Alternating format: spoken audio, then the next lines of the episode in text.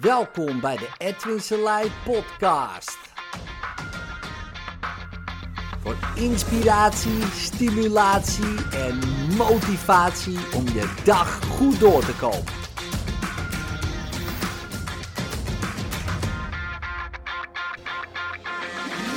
Afgelopen week, weekend, uh, vorig weekend, uh, gaf ik een seminar. Er waren 400 mensen. En die uh, 400 mensen zagen een interessante sessie, denk ik. Um, op dag 2.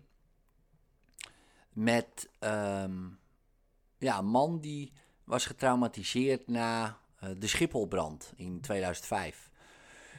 En had het label PTSS gekregen. Um, had woedeaanvallen tegen zijn vrouw, de zaak kreeg duizelingen op de zaak. En um, hij had het idee, gevoel dat hij alles zou verliezen. Ja, dat uh, zijn vrouw bij hem weg zou gaan, uh, zijn zaak uh, kapot zou gaan, eigenlijk zijn hele leven. Want het werd alleen maar erger. Hij had natuurlijk allemaal therapie gedaan, label gekregen, hè, je hebt het. Nou, je weet hoe ik daarover denk als je mijn podcast luistert. je hebt het niet, je doet het. Um, dus ik kwam bij me op het podium en in één sessie uh, werd hij verlost van dat trauma. Maar het interessante was, um, we kwamen helemaal niet bij die Schipholbrand uit. Het was al veel verder ontstaan. Um, in het verleden, zonder al te veel op de details in te gaan, maar het, uh, het had met een, uh, een, ruzie te maken thuis, toen hij heel klein was. En dat werd het zaadje, zeg maar, uh, wat later ging ontkiemen en bij de brand werd getriggerd. En natuurlijk was het verschrikkelijk, weet je, wat daar is gebeurd. En als je dingen hebt gezien, dat is, staat op je netvlies en dan...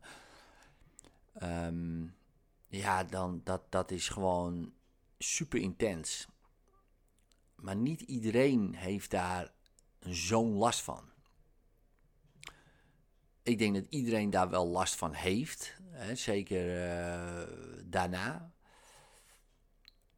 Maar zo lang, hè, 14 jaar, 15 jaar uh, lang last van, dat hoeft niet. Maar dat heeft ook niet iedereen. Dat doet niet iedereen.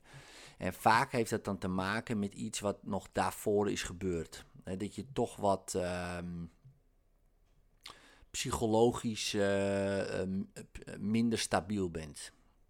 ik zal niet zeggen labiel, want dat is uh, overdreven, maar minder stabiel. En dan zijn dat, dan is dat de guts die de emmer doet overlopen. Want ik wou niet zeggen de druppel, want uh, ja, wat daar is gebeurd kan je geen druppel noemen. Dat is gewoon in één keer een klots water in die emmer. En dan loopt die over. En als je dan ook nog slechte suggesties meekrijgt, dat je iets hebt waar je niet meer vanaf komt. Want uh, veel mensen denken dat posttraumatische stressstoornis iets is waar je niet meer vanaf komt. Uh, dat wordt ze wijsgemaakt, dat wordt ze uh, beweerd door allerlei hele slimme, intelligente, domme mensen.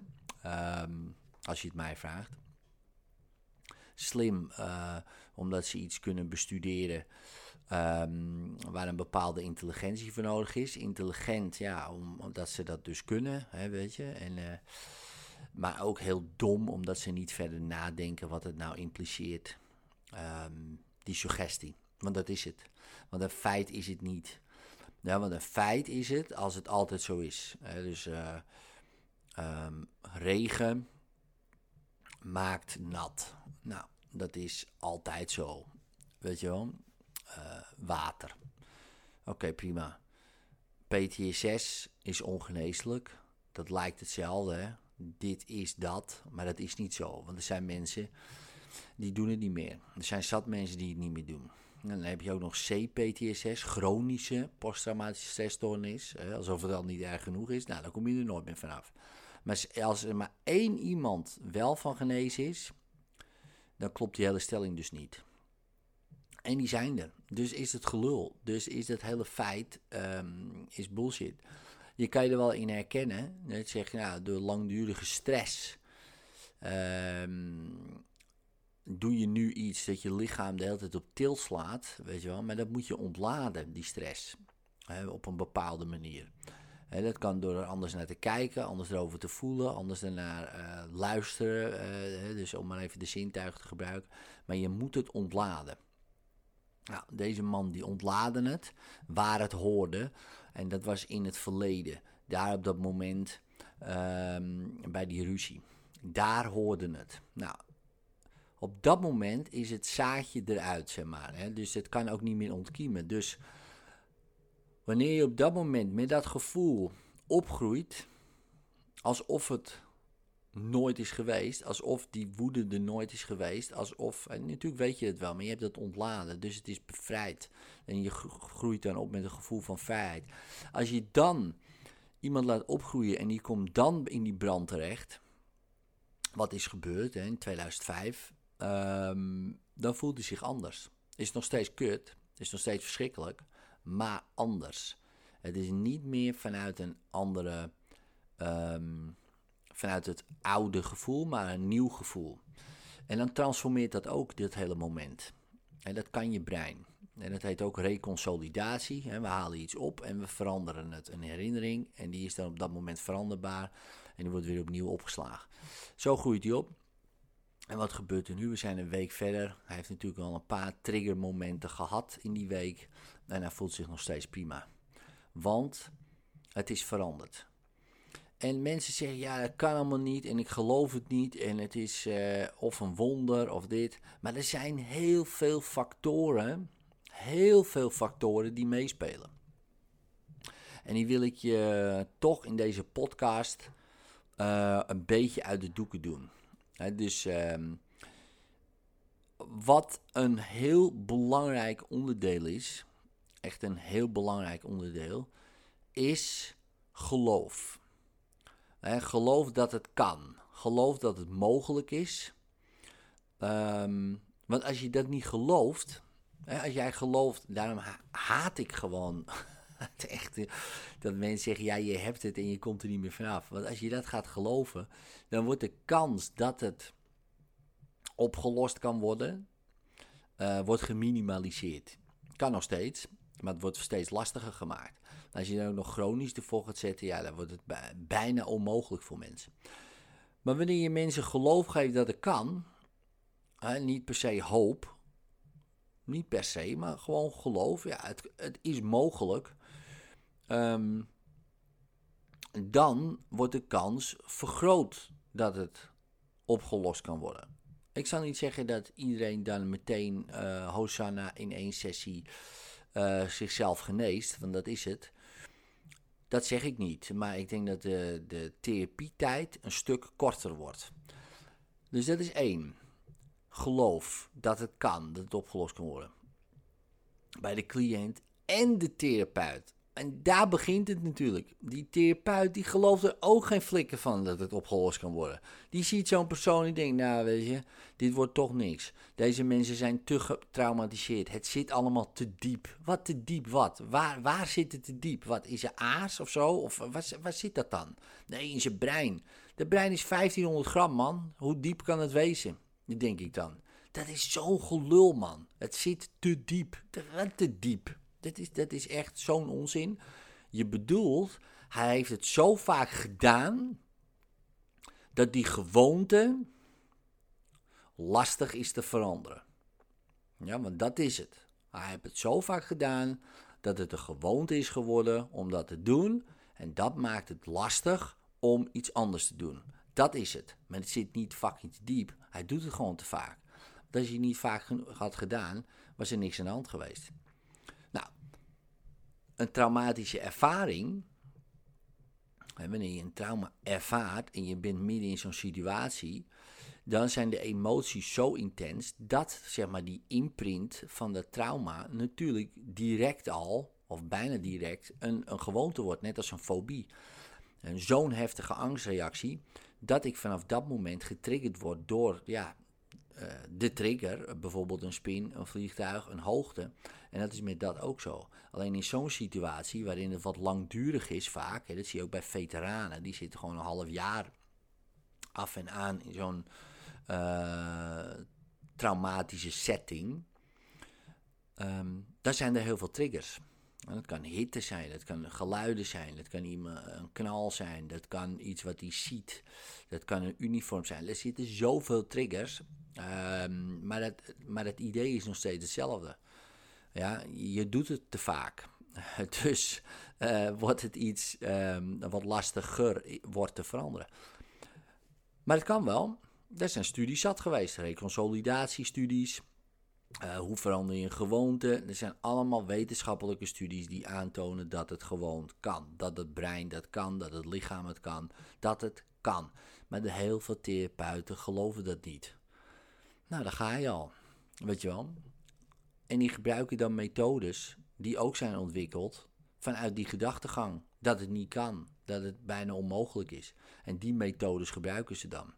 Ja, en dan werkt het niet. Of ze gebruiken EMDR en ze snappen niet eens hoe EMDR precies werkt. Weet je wel?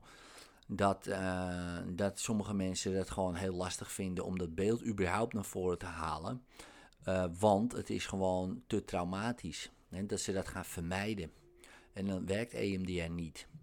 En daarom ben ik zo groot voorstander van hypnose omdat je dan die kritische mind omzeilt. Die mensen hoeven niet heel veel per se te doen. Ja, ze doen natuurlijk wel veel. Hè, maar niet per se uh, bewust heel veel te doen. Want heel veel komt onbewust naar boven. En we kunnen meteen met de juiste suggesties en de juiste methodes en de juiste manieren iemand gewoon hap, uh, zich weer oké laten voelen om die situatie. En soms zelfs gewoon goed. En, en dat is bevrijdend. En soms is dat in één sessie. Als alle, aan alle voorwaarden wordt voldaan, dan kan het in één sessie. En wat bedoel ik met alle voorwaarden? Therapeut gelooft erin. Cliënt gelooft erin. En dan is de kans zeer groot. En dan denk je, ja, maar als we allebei in geloven, hoeft er nog niet eens in één sessie. Klopt, er zijn er nog een paar voorwaarden. De cliënt gelooft erin dat hij het kan. De cliënt gelooft erin dat de therapie werkt en de cliënt gelooft dat die therapeut het bij hem kan bewerkstelligen. Die drie. Ja, dus als er één mist, wordt het lastiger. Maar als die alle drie aanwezig zijn, dus dat geloof daarin, plus, zoals op het seminar, nog eens een soort van groepsdruk, dus 400 man kijken hoe jij dat gaat doen. En je wil natuurlijk niet afgaan, dus dat komt er ook nog eens bij. Um, ja, dan zijn alle ingrediënten aanwezig voor een succesvol resultaat. Ja, en ik snap ook wel, in de therapiekamer heb je geen 400 man die daarna gaan juichen voor je. Weet je, anders zit je één op één te werken. Dat is gewoon heel anders. Maar dan nog zijn die andere drie wel belangrijk. de cliënt gelooft dat hij het kan. De cliënt gelooft dat jij het kan. Uh, en de cliënt gelooft in de methode. En die drie zijn heel belangrijk daarom begint het vaak ook bij de therapeut zelf. Weet je. Geloof jij het wel? En als je er half bakken in zit, dan moet je het gewoon niet doen. Dus als ik geloof dat ik het niet kan, dan verwijs ik naar iemand die het wel gelooft dat hij het kan. En die het ook kan, weet je wel. Dus ik kan wel geloven dat ik uh, een chirurg ben, maar ja, ik heb nooit een opleiding gedaan, dus het lijkt me een bloederig zootje worden. Maar snap je wat ik bedoel? Maar als je de competenties hebt, dus je kan het, en je gelooft dat je het kan bij die persoon, dus je gelooft dat je echt die persoon kan helpen, oké, dat is een eerste. Maar dan, dan heb je die cliënt ook nog wat te geloven. Nou, en dan zijn de ingrediënten aanwezig om een techniek Zoals bijvoorbeeld een regressie, als je die ook nog eens goed verkoopt, hè, je EMDR-techniek, uh, eh, EFT-techniek, cognitieve gedragstherapie-techniek. Als je die techniek ook als therapeut goed weet te verkopen aan de cliënt, dat hij gaat geloven in die methode, die denkt, ja man, dit gaat echt werken voor mij, dit kan ik. Ja, dan gaat de kans uh, dat het gewoon uh, snel gaat lukken, gaat omhoog. En mensen snappen het niet, joh. Therapeuten worden niet geleerd die, die, die denken gewoon, oh deze techniek is wetenschappelijk bewezen. Uh, dus we rammen hem gewoon even door de slot van de cliënt. Maar als die cliënt twijfelt aan die techniek, ja, je moet hem gewoon verkopen. Je bent ook gewoon een verkoper. Weet je wel? Je moet die techniek verkopen. Die kan wel leuk wetenschappelijk bewezen zijn, maar is die ook wetenschappelijk bewezen op die ene cliënt? Of op die andere? Nee, het is op een studie gedaan voor andere mensen. Dus het zegt niet zo heel veel. Het zegt wel veel, nou ja, het zegt wel veel hè, dat het bewezen is. Maar dan nog voor die cliënt maakt geen flikker uit of het wel of niet bewezen is. Als het maar werkt. Ja, dus, ehm, nou goed. Ik kan hier nog uren over door blijven praten. Maar ik ga zo uh, examineren. Dus uh, ik ga de 2.0's examineren. Dit was mijn rant. Later.